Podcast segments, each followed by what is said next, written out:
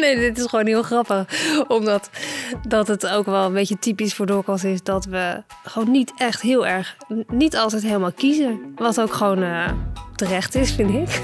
Welkom bij Doorkast. Wat mij betreft uh, kunnen we. Leuk. Nou, hallo en welkom bij deze nieuwe podcast van Doorkast, waarbij we de diepte induiken in de wereld van ontwikkelingssamenwerking en alles wat daarbij komt kijken. Mijn naam is Lisanne van den Kamp en in deze podcast bevraag ik mijn collega's over de zin en de onzin, de uitdagingen en de oplossingen, de context en de nuances, de hoogste toppen en de diepste dalen van hun werk. Te beginnen met deze allereerste aflevering, een introductie. Leuk dat je luistert. Waarom nou deze podcast? Ik heb gemerkt dat veel goede doelen struggelen met hun verhaal. Met verhaal bedoel ik de schat aan informatie, kennis en ervaringen van medewerkers of vrijwilligers. Het is altijd zoeken hoe je aan de ene kant voldoende informatie geeft om mensen te inspireren. En aan de andere kant niet steeds te veel wil vertellen in te weinig tijd en ruimte. En die tijd en ruimte, daar zit het hem nou juist in. In tegenstelling tot tv-spotjes, artikelen, social media enzovoorts kun je in een podcast heerlijk de tijd nemen om de diepte in te duiken. Nou, en dat gaan we dus doen. Deze podcast is bedoeld voor mensen die geïnteresseerd zijn in het beter leren kennen van Doorkas. Je krijgt een eerlijk inkijkje in ons werk en in de ontwikkelingssector. Dus nogmaals, uh, leuk dat je luistert. En wie nodig je uit als je mensen wil laten kennismaken met Doorkas? Natasja, jij bent de dochter van de oprichter van Doorkas, de vrouw van de voormalige directeur en je zit zelf in het huidige managementteam. Eigenlijk is jouw hele leven doordrongen van Doorkas. Kun je misschien iets over jezelf vertellen wat niets met Doorkas te maken heeft? Oké, uh, natuurlijk kan ik dat wel. Uh, maar dat klopt inderdaad. Ik heb een uh, geschiedenis die nogal met uh, Dorcas is verbonden. Dingen die niet met Dorcas te maken hebben. Ja, ik heb een gezin, twee kinderen. Um, ik hou van ehm, lezen heel erg, reizen. Wat voor soort boeken? Wat voor soort boeken? Nou, literatuur, veel Oost-Europese literatuur. Wellicht komt dat toch hmm, ook door ik zie een link met Dorcas. maar daar hou ik heel erg van. Um, ja, ik hou uh, heel erg van de internationale context, die natuurlijk ook door Dorcas wel uh, al in mijn jeugd uh, meegegeven is. Dus, Toch best ja. lastig, hè? Ja, Alles daar, is word je door, daar word je door gevormd. Maar ja, ik, heb het, ik ervaar het vooral als heel positief. Ik vind dat je wereld eigenlijk al vroeg heel groot is geworden door alle ja, contacten die door het werk ook bij ons thuis aan de keukentafel uh, belanden. Ja, en over die keukentafel gesproken. Jouw, jouw vader heeft Dorks opgericht als een soort christelijke variant van Amnesty International. En toen heette de stichting nog Christelijke Stichting voor Hulp aan Gewetensvervolgden. Heel woord. um, ik heb zijn biografie vandaag meegenomen en daarin uh, lees ik dat het werk begon met het versturen van kaarten aan gevangen gezette christenen. En dan staat er tussen neus en lippen: we hebben er minstens een miljoen verstuurd.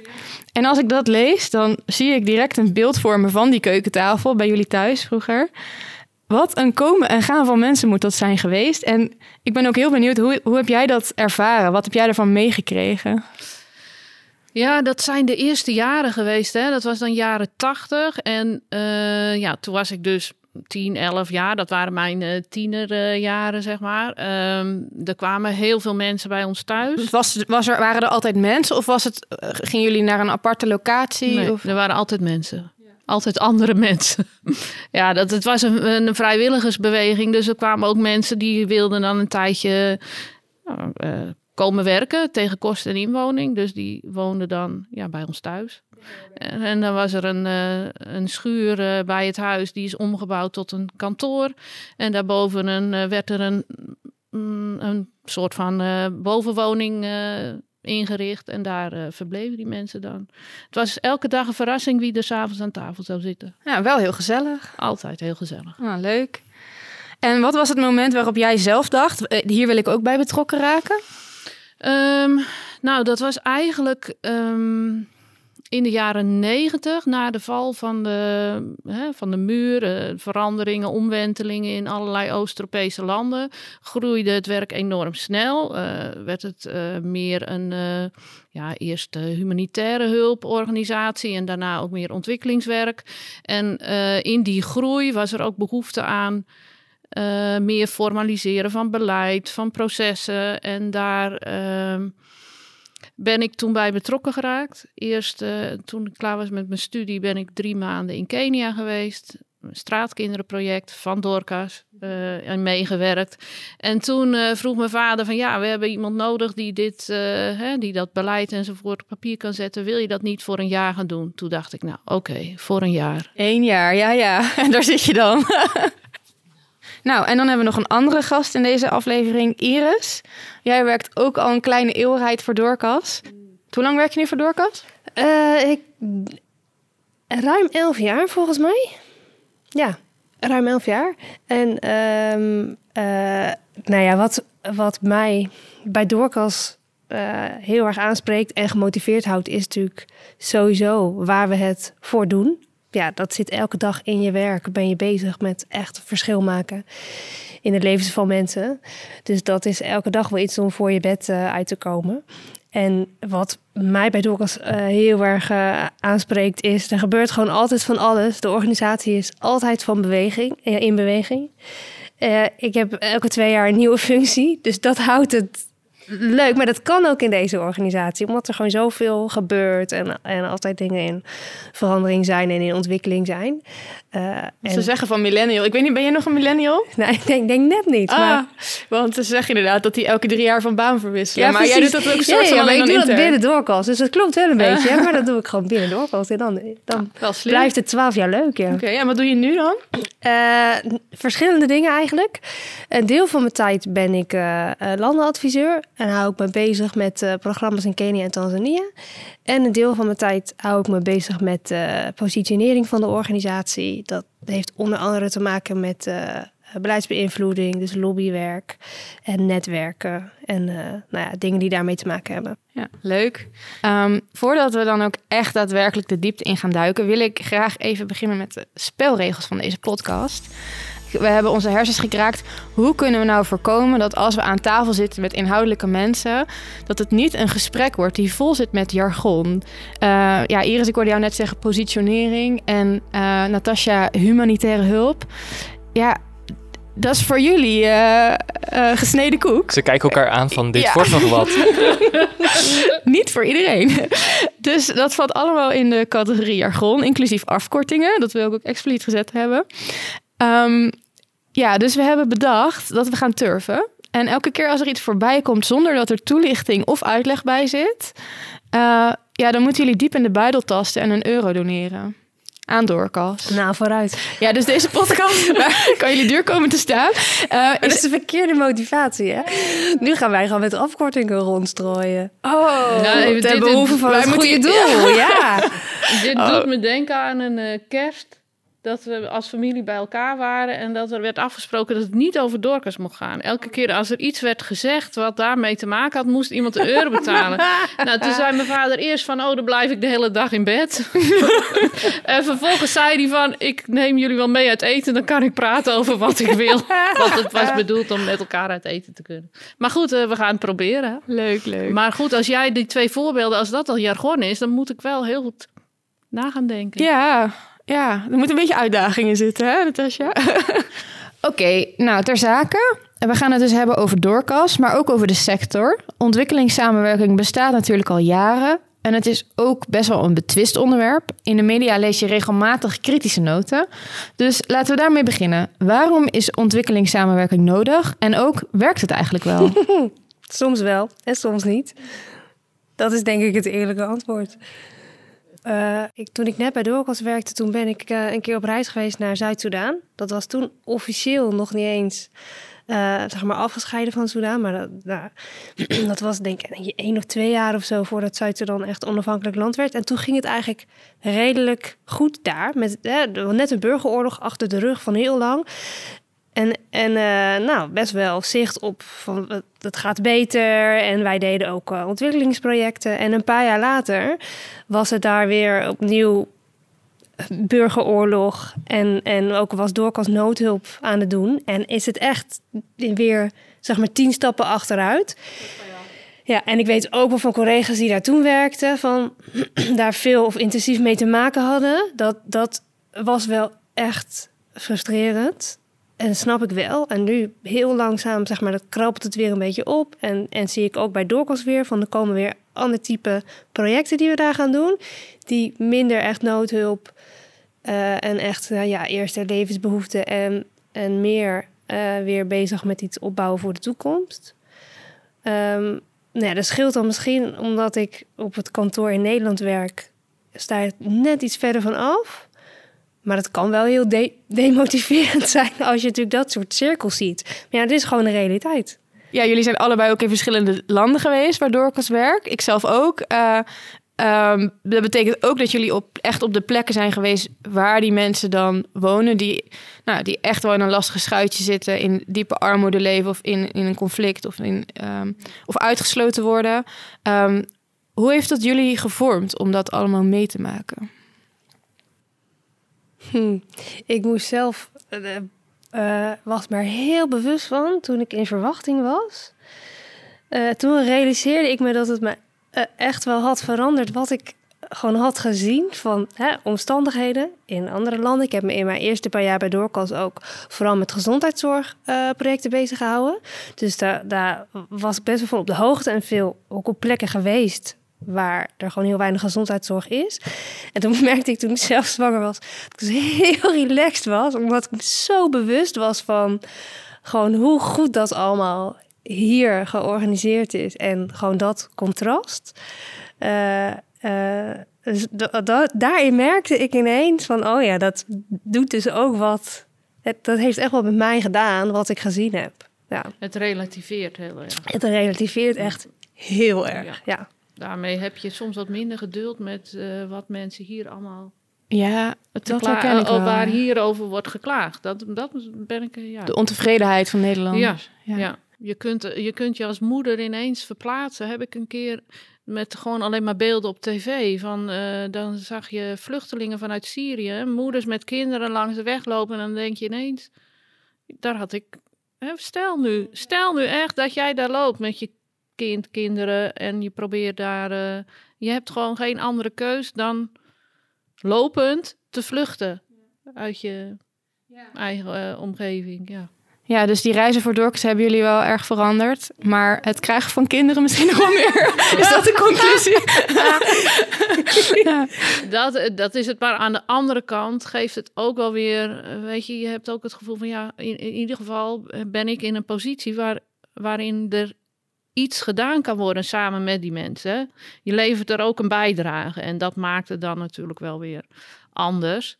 En eh, wat we allemaal wel een beetje hebben is van uh, er is altijd meer te doen. Hè? Dus je legt jezelf soms wel veel druk op van en misschien kunnen we ook dit nog en ook dit nog. Heel veel ambitie, wat natuurlijk ook voor mensen uh, tot uh, burn-out kan leiden. Omdat je altijd het gevoel hebt dat wat je doet nooit genoeg is. Ja, ik moet nu ook denken aan uh, Anton. Die werkt ook voor Doorkas. Die is noodhulpcoördinator.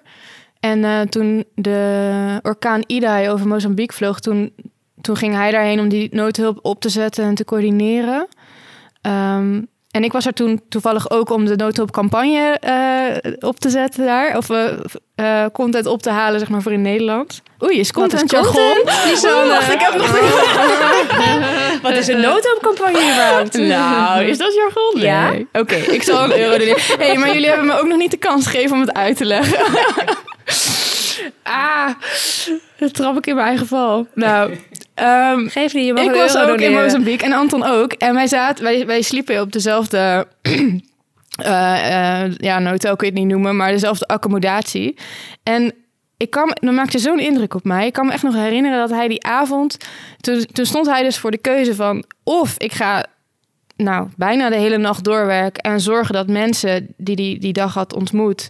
die al drie dagen niets hadden gegeten... morgen te eten krijgen... of ik gun mezelf de rust die ik eigenlijk heel hard nodig heb... Um, om dit, want hij zat er echt een maand of zo. Hij was er echt wekenlang. Dus om het vol te kunnen houden voor zo'n lange periode. Maar dan moeten die, dan moeten, wat was het, 600 mensen of zo, die moesten dan nog een dag langer op voedsel ja. wachten. En dat zijn wel echt lastige keuzes, denk ik. Ja. Hoe, hoe kun je dan nog voor jezelf kiezen en hoe, hoe zorg je er dan voor dat je het volhoudt?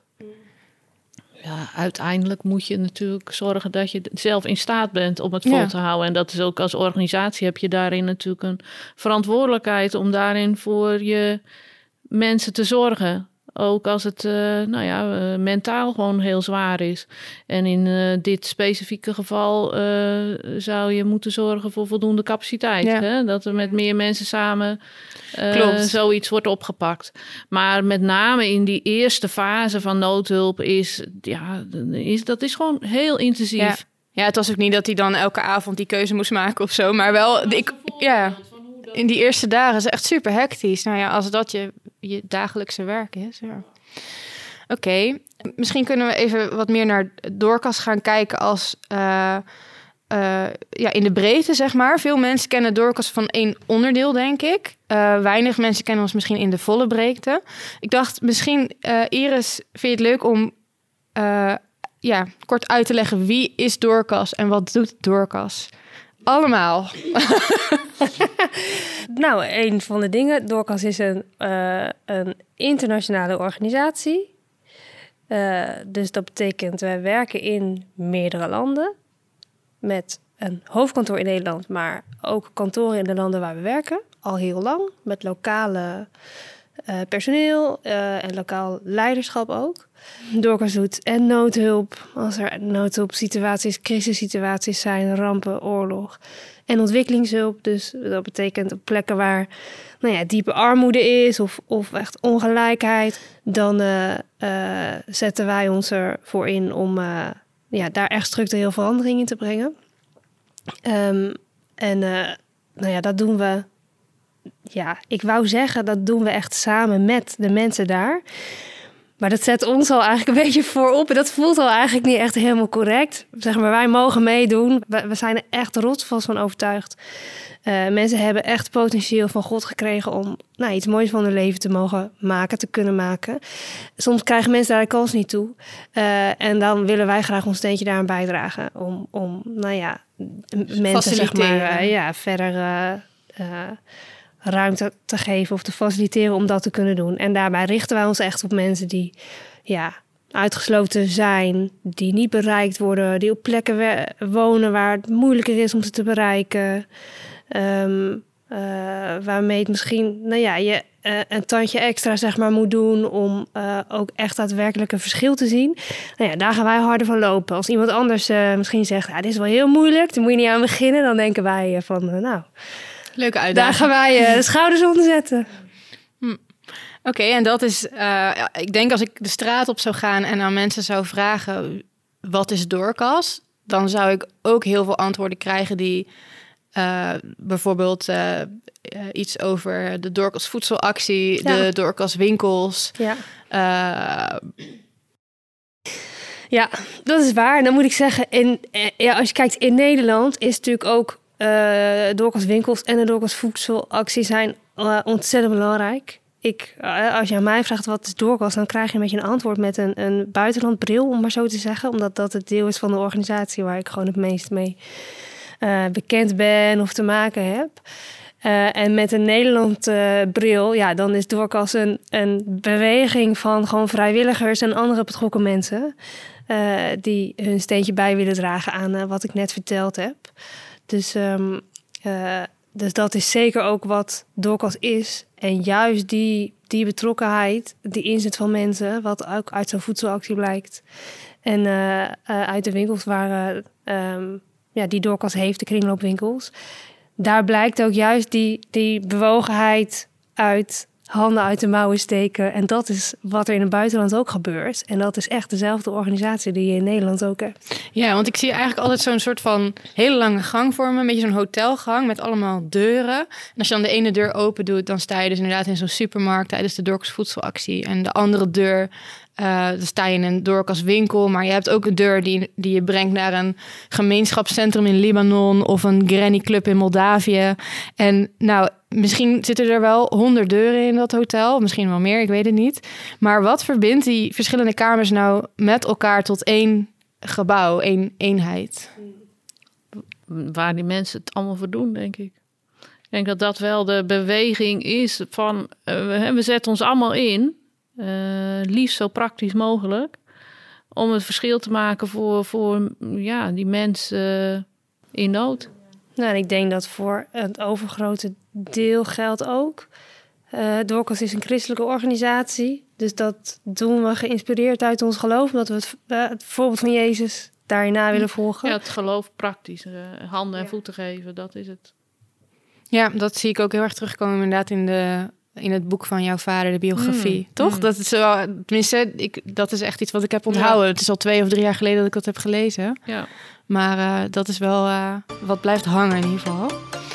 Ik heb een filmpje. Waardevol.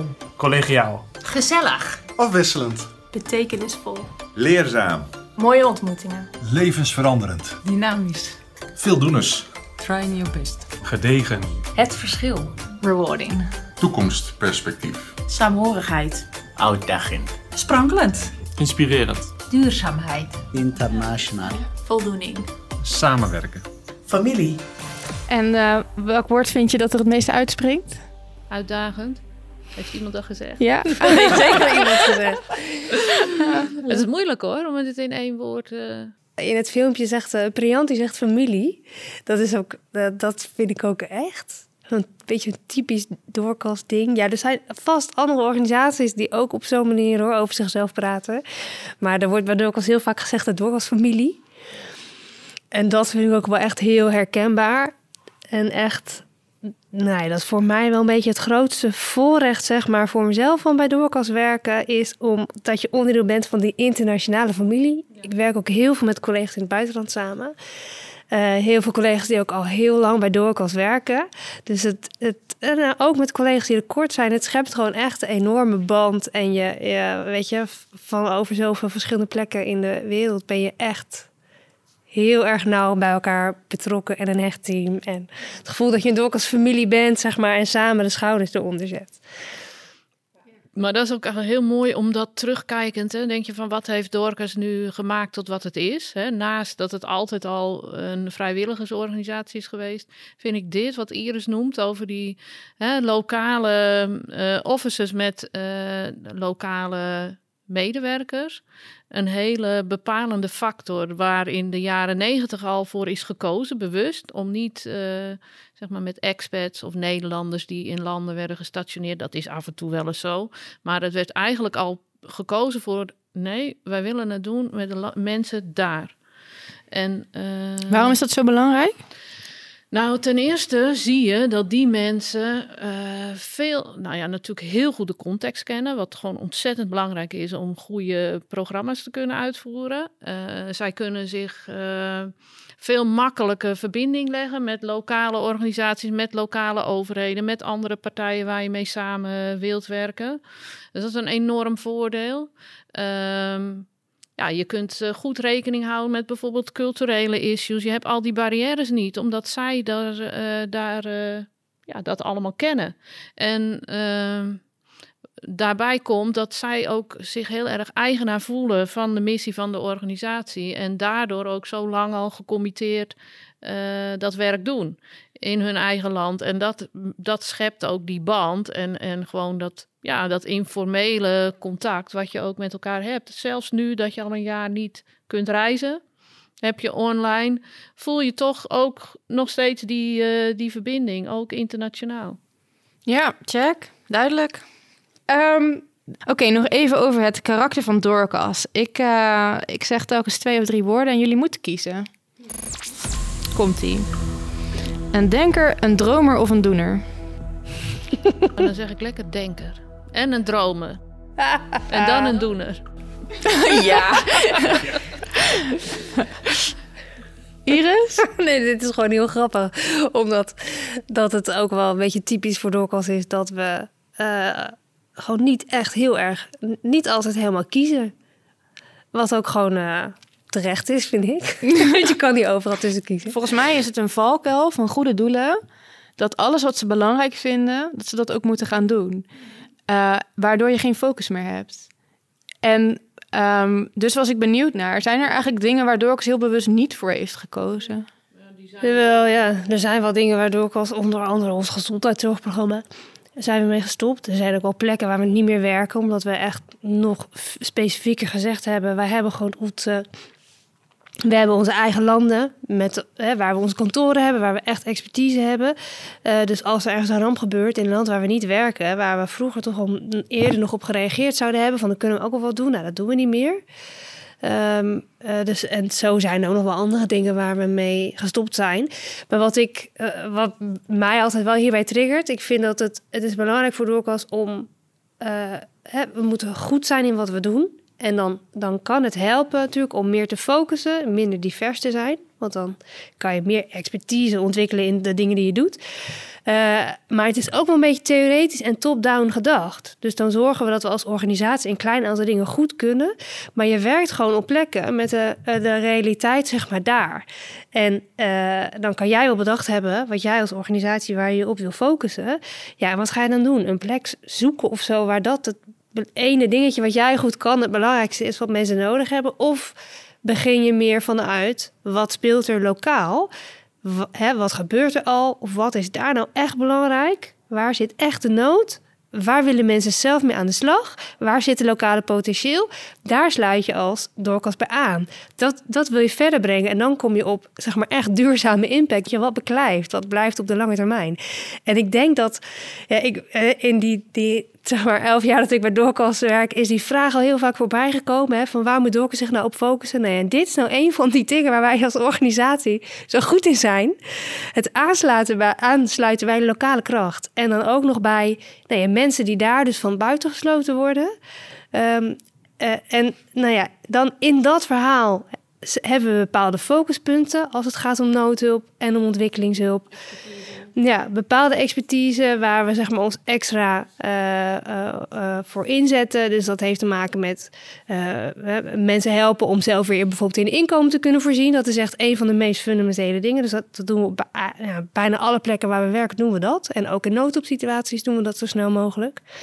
Um, dus die bepaalde focus is er wel, maar maar de kracht en dus misschien wel de echte focus van Doorkast ligt wat mij betreft in die lokale capaciteit en uh, uh, dat we mensen daarin mee kunnen laten doen uh, die anders niet mee zouden mogen doen, waar, maar waarvan wij echt in het potentieel geloven. Oké, okay. vanaf nu mag, mag geen toelichting meer, alleen maar kiezen. En het maakt niet uit als het allebei een beetje is, het is gewoon hetgene wat het doorkast het meeste is. Probeer het. Vertel. Lief of stoer? Hm. Stoer. Lief. ja. Oké. Okay.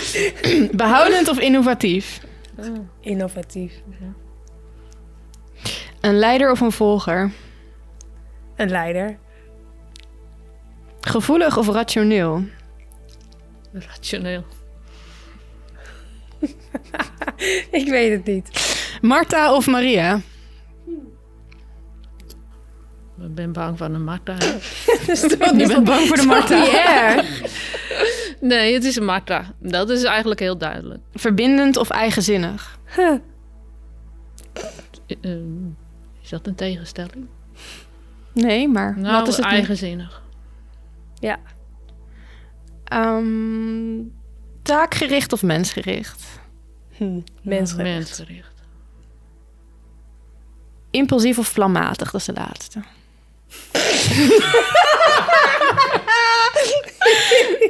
ja, ik ken Dorks natuurlijk ook wel een beetje. nou, het impulsieve heeft ons heel ver gebracht. Maar het is uiteindelijk denk ik nu toch meer planmatig. Misschien uh, 56% planmatig en de rest impulsief. nee, ik weet het niet hoor. Uh, ik denk wel planmatig, ja, dat is het wel. Maar er moet ruimte zijn voor uh, nou ja, impulsief, maar meer spontaniteit, laat ik het zo zeggen. Maar het mocht niet, hè? moest alleen maar een woord zeggen. Nee, uitleggen. nou ja, het was de laatste, dus we zijn inmiddels gewoon weer in gesprek. Oké, okay, uh, ik wil nog heel even inzoomen op wat jij net zei, Iris, uh, over onze christelijke uh, identiteit. Um, wat betekent dat? Betekent dat bijvoorbeeld ook dat we alleen gericht zijn op christenen in ons werk? Of dat we onderscheid maken tussen mm, soorten ja. mensen, religies? Ja, goede vraag. Nee, uh, Dwakkels werkt uh, uh, voor iedereen. Dus zeker niet alleen voor christenen. Um, dus Dwakkels heeft heel duidelijk een christelijke identiteit. Maar ja, dat is zeg maar het geloof in praktijk brengen of handen voeten geven aan het geloof, zijn het als je net. ja, dat is voor ons gewoon super belangrijk. Ik denk dat het, geloof je ook helpt om dus gewoon door te gaan. Hè? Ook als je misschien nog niet helemaal de resultaten ziet. Of op plekken waar het dus zeg maar heel moeilijk is en je misschien gedemotiveerd wordt of het lijkt onbegonnen werk, dan denk ik dat de, de, christelijke, de christelijke identiteit van de organisatie of het, geloof van de mensen die voor Doorkast werken, dat dat ons heel erg helpt om vol te houden en door te gaan en om toch soms tegen beter weten in gewoon door te ploeteren en dan hey, gebeurt het uiteindelijk gebeurt er natuurlijk dan toch wat. Uh, verandert er wel iets. En waarom zou je doorploeteren als het, als het voelt als een onbegonnen zaak? Nou, omdat je soms, denk ik, echt, uh, gewoon echt geraakt bent en geïnspireerd bent van... maar we mogen gewoon niet opgeven voor de mensen waar het om gaat. En God ziet die mensen, of ziet die persoon, die groep, die plek, dat dorp, die ramp, zeg maar, hè, bedenk het maar. En we mogen die mensen niet uh, nou ja, overlaten aan wat hun omstandigheid dan ook uh, is. Dus, uh, dus ja, ik denk dat je soms kan je rationele verstand je misschien wel zeggen van nou dit is wel heel ingewikkeld of je kan cynisch worden. En dan denk ik dat het geloof een hele belangrijke drijver is om vanuit echte liefde en bewogenheid en hoop, nou ja, toch door te zetten. Ja, en je zegt we richten ons op alle mensen, maar volgens mij richten we ons wel op bepaalde mensen in het bijzonder. Op de website staat kwetsbare mensen, maar hmm. uh, ja, wat, wat bedoel je precies met kwetsbaar? Want ergens zijn we ook weer allemaal kwetsbaar. Ja, dat klopt. Ja, dat is uh, in zekere zin, ja, wie, is iedereen kwetsbaar of kan je zeggen, misschien is niemand kwetsbaar, maar zijn mensen juist heel krachtig. Juist mensen die in moeilijke omstandigheden leven, die hebben meer kracht dan dat ik zou hebben. Dus uh, is, dat, is het woord kwetsbaar wel juist de omschrijving uh, daarvoor. Maar waar het uh, ons om gaat, is dat we ons in het bijzonder richten voor mensen die, nou ja, juist in die heel moeilijke omstandigheden leven, of die in hun omgeving niet de kans krijgen om mee te doen. Uh, uh, en dat wij daar wel een steentje aan bij zouden kunnen dragen. Zoals? Uh, dat kunnen mensen zijn die gewoon op, op plekken wonen waar verder helemaal geen organisaties zijn. Waar de overheid eigenlijk heel weinig voor ze betekent. Maar waar wel heel veel armoede is en tekort aan dingen. dat kan zijn mensen die uh, zeg maar echt in een crisissituatie zitten. Een, een, uh, waar een ramp is gebeurd in een oorlog. En ook dan te specifiek uh, proberen te kijken naar, oké, wat zijn nou de groepen mensen die dan in, juist in deze situatie extra kwetsbaar zijn? Denk bijvoorbeeld aan uh, het, het werk in Irak. Toen daar de oorlog was, dan werk je in vluchtelingenkampen uh, waar natuurlijk mensen in heel moeilijke omstandigheden zitten. En wat Dorcas dan ook deed, was werken buiten vluchtelingenkampen. Nou, daar zitten dan eigenlijk mensen die om wat voor reden dan ook zelfs in een vluchtelingenkamp terechtkomen. Uh, uh, dus, um, en dan eigenlijk nog moeilijkere leefomstandigheden. Die vaak in nog moeilijkere omstandigheden zitten. En kijk, als jij erachter wil komen, waar zitten dan bijvoorbeeld mensen, nou ja, gezinnen waar en, en zeg maar niemand is die voor uh, de basisbehoeften van het gezin kan zorgen. Of misschien waar zitten gezinnen waar iemand uh, gehandicapt is. Ja, dan moet je die mensen gaan opzoeken om daarachter uh, te komen. Dat, dat zijn allemaal echte extra uh, inspanningen die je moet doen. Nou, dat is nou typisch iets wat bij Doorkast past. Dan hebben we sociaal werkers. Doordat we lokaal bekend zijn, gaan we, hè, weten we waar kunnen mensen uh, zitten. en dan gaan de sociaal werkers gaan gewoon langs. Die gaan gewoon op zoek naar mensen om te kijken, nou ja, waar zijn nou de gezinnen die echt heel kwetsbaar zijn, die echt onze extra ondersteuning nodig hebben. Um, dus dat is een groep mensen. En dan, dan zijn er ook nog bepaalde groepen uh, misschien etnische groepen die uh, buitengesloten worden. Uh, Roma bijvoorbeeld is een groep. Um, dus dat is een groep waar Dorcas ook mee werkt. En in heel veel contexten zijn ook oudere mensen een groep die extra nou ja, kwetsbaar is. Dus dat is dan ook een groep waar Dorcas zich extra voor inzet. Ja, check. En Dorcas bestaat nu ruim 40 jaar.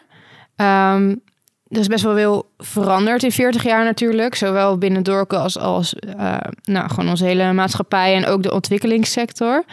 Um, ik ben wel even benieuwd, Natasja, wat is er nu nog over van de Dorcas van toen? Ik ik denk dat de organisatie in de kern dezelfde is. Hm. Dat, dat is eh, wel mooi als er dan zo nu en dan weer eens wordt nagedacht over oh, kernteksten, identiteit. Dan komen woorden naar voren. En in gedachten denk ik dan, ze praten over mijn vader. Hmm. Ze praat Wa- vader na. Nee, ze, ze beschrijven mijn vader. In, er zijn karaktereigenschappen die Dorcas heeft, die natuurlijk eh, voortkomen uit een oprichter. Dat is bij elke organisatie zo. Natuurlijk is er heel veel veranderd en heel veel eh, vernieuwing. Ehm, ook eh, net wat ik zeg, je ontwikkelt je als organisatie ook omdat er ja, in de omgeving dingen veranderen, in de sector dingen veranderen. Wij hebben onszelf natuurlijk als organisatie, hebben we ook eh, een jaar of zeven nagedacht van oké, wat is nu onze, wat is nu de manier waarop wij tot blijvende verandering komen? Dat noemen we theory of change. Daarin hebben we wel ehm, ja, onszelf denk ik ook verder ontwikkeld om bewust in te zetten op oké, voor blijvende verandering moeten we bijdragen aan verandering op individueel, op gemeenschapsniveau en op eh, society level, zeg maar meer eh, Maatschappelijk. maatschappelijk niveau, inderdaad. En, en daarin zie je, on, eh, zie je ook in de landen dat er echt eh, stappen worden gezet. En dat is alleen maar eh, heel mooi. Ja, die eh. Theory of Change die komt terug in een andere aflevering. Dus daar gaan we nu niet al te veel over uitweiden. maar ehm, je zegt wel, hè, de sector is ook heel erg veranderd. Ik ben benieuwd, Iris, zou je misschien iets kunnen vertellen over hoe dat, eh, ja, wat er bijvoorbeeld de laatste tien jaar de, de belangrijkste ontwikkelingen zijn geweest in de sector? Hmm. Ja, ik denk één van eh, op willekeurige volgorde.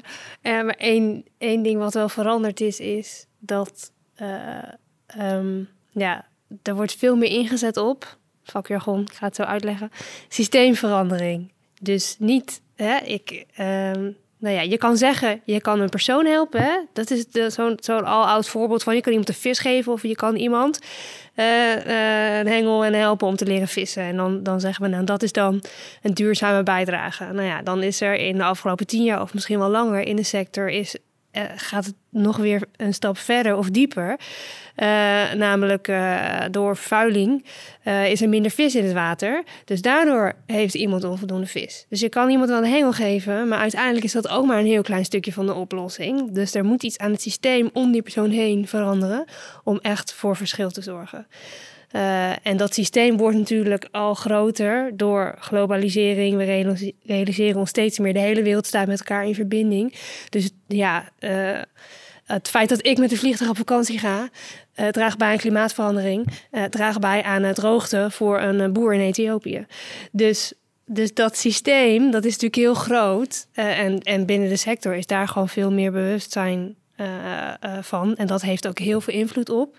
Ja, hoe doe je je projecten? Ja, nou, en ook wat Natasja dus zegt, dat werken op maatschappelijk niveau. Hoe zorg je nou voor dat je andere ja, actoren, zeg maar, andere betrokkenen, zoals een overheid of het bedrijfsleven, dat je die ook in beweging krijgt om ten positieve soms dingen te veranderen.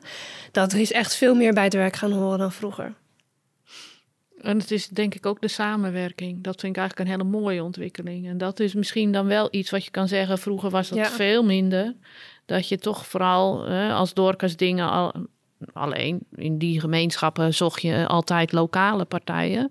Maar er is nu veel meer mogelijk samen met andere organisaties. Wordt veel meer en beter samengewerkt. Dus je bent eigenlijk minder, minder concurrenten, meer met z'n allen voor één missie.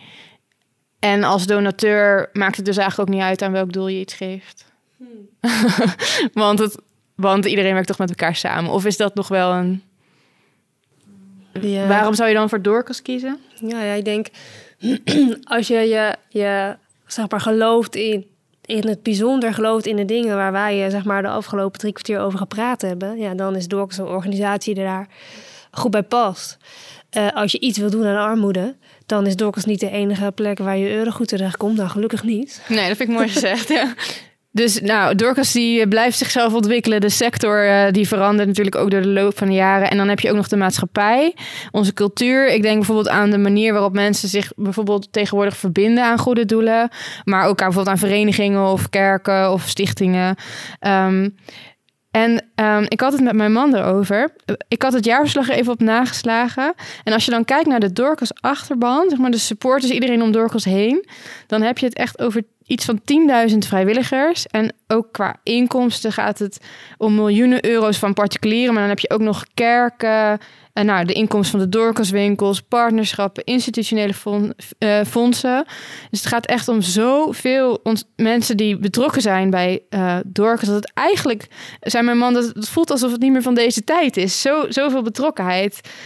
En hij vroeg zich dan ook af, hoe doen jullie dat? Wat is de gouden formule waarmee uh, Dorcas zo'n grote groep mensen en bedrijven verbinden aan deze missie? Nou ja, één aspect is denk ik dat wij natuurlijk met winkels uh, een uh, mogelijkheid bieden om praktisch iets te kunnen betekenen als vrijwilliger. Hè. Het is een andere manier van je inzetten voor. En dat mes snijdt aan uh, meer dan twee kanten zelfs. Ik bedoel, het is aan de ene kant ook goed voor de duurzaamheid, goed voor milieu om spullen een tweede kans te geven. En aan de andere kant help je daarmee mensen verder weg die het heel hard nodig hebben. Dus het is natuurlijk een hele mooie manier om betrokken te zijn. En ik denk dat dat ook wel um, een bepaalde laagdrempeligheid geeft. Hè? Dat mensen zich makkelijk ja, identificeren met je als organisatie. Dat het dicht bij de mensen staat. Ik denk dat... ook als je wat doet, dat geeft toch iets meer, hoe zeg je dat?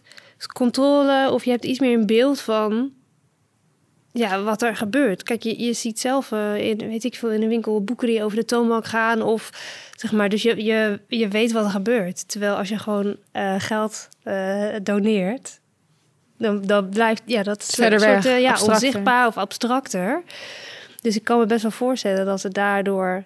Ja, ik vind het zelf ook fijn om, om soms als vrijwilliger iets te doen. Omdat je gewoon je, je eigen handen en voeten zeg maar, ergens voor in wil zetten. Ja. En dat je lokaal zichtbaar bent als organisatie hier in Nederland, maar uh, ook uh, in de landen. Hè. Je ja, kiest mensen voor lokaal. lopen echt letterlijk naar binnen bij Doorkas. Ja, ja. En dat is dan niet alleen een plek waar je spullen kan kopen, uh, tweedehands spullen, maar ook waar, nou ja, waar, waar je foto's ziet hangen, waar, je, waar een winkelscherm is met informatie, waar nou ja, mensen ook ja, zelf inspirerend zijn. En ja, ik denk dat het ook wel aanstekelijk werkt ja. misschien als je in zo'n winkel bent. Nou, er zitten ook op al die plekken dus mensen die daar de kar trekken of die zich er heel erg voor inzetten. Die, ik heb dat heel veel bewondering voor. Op een bepaalde manier extra als werknemer van Doorkas. Hè, want ik krijg een salaris voor wat ik doe.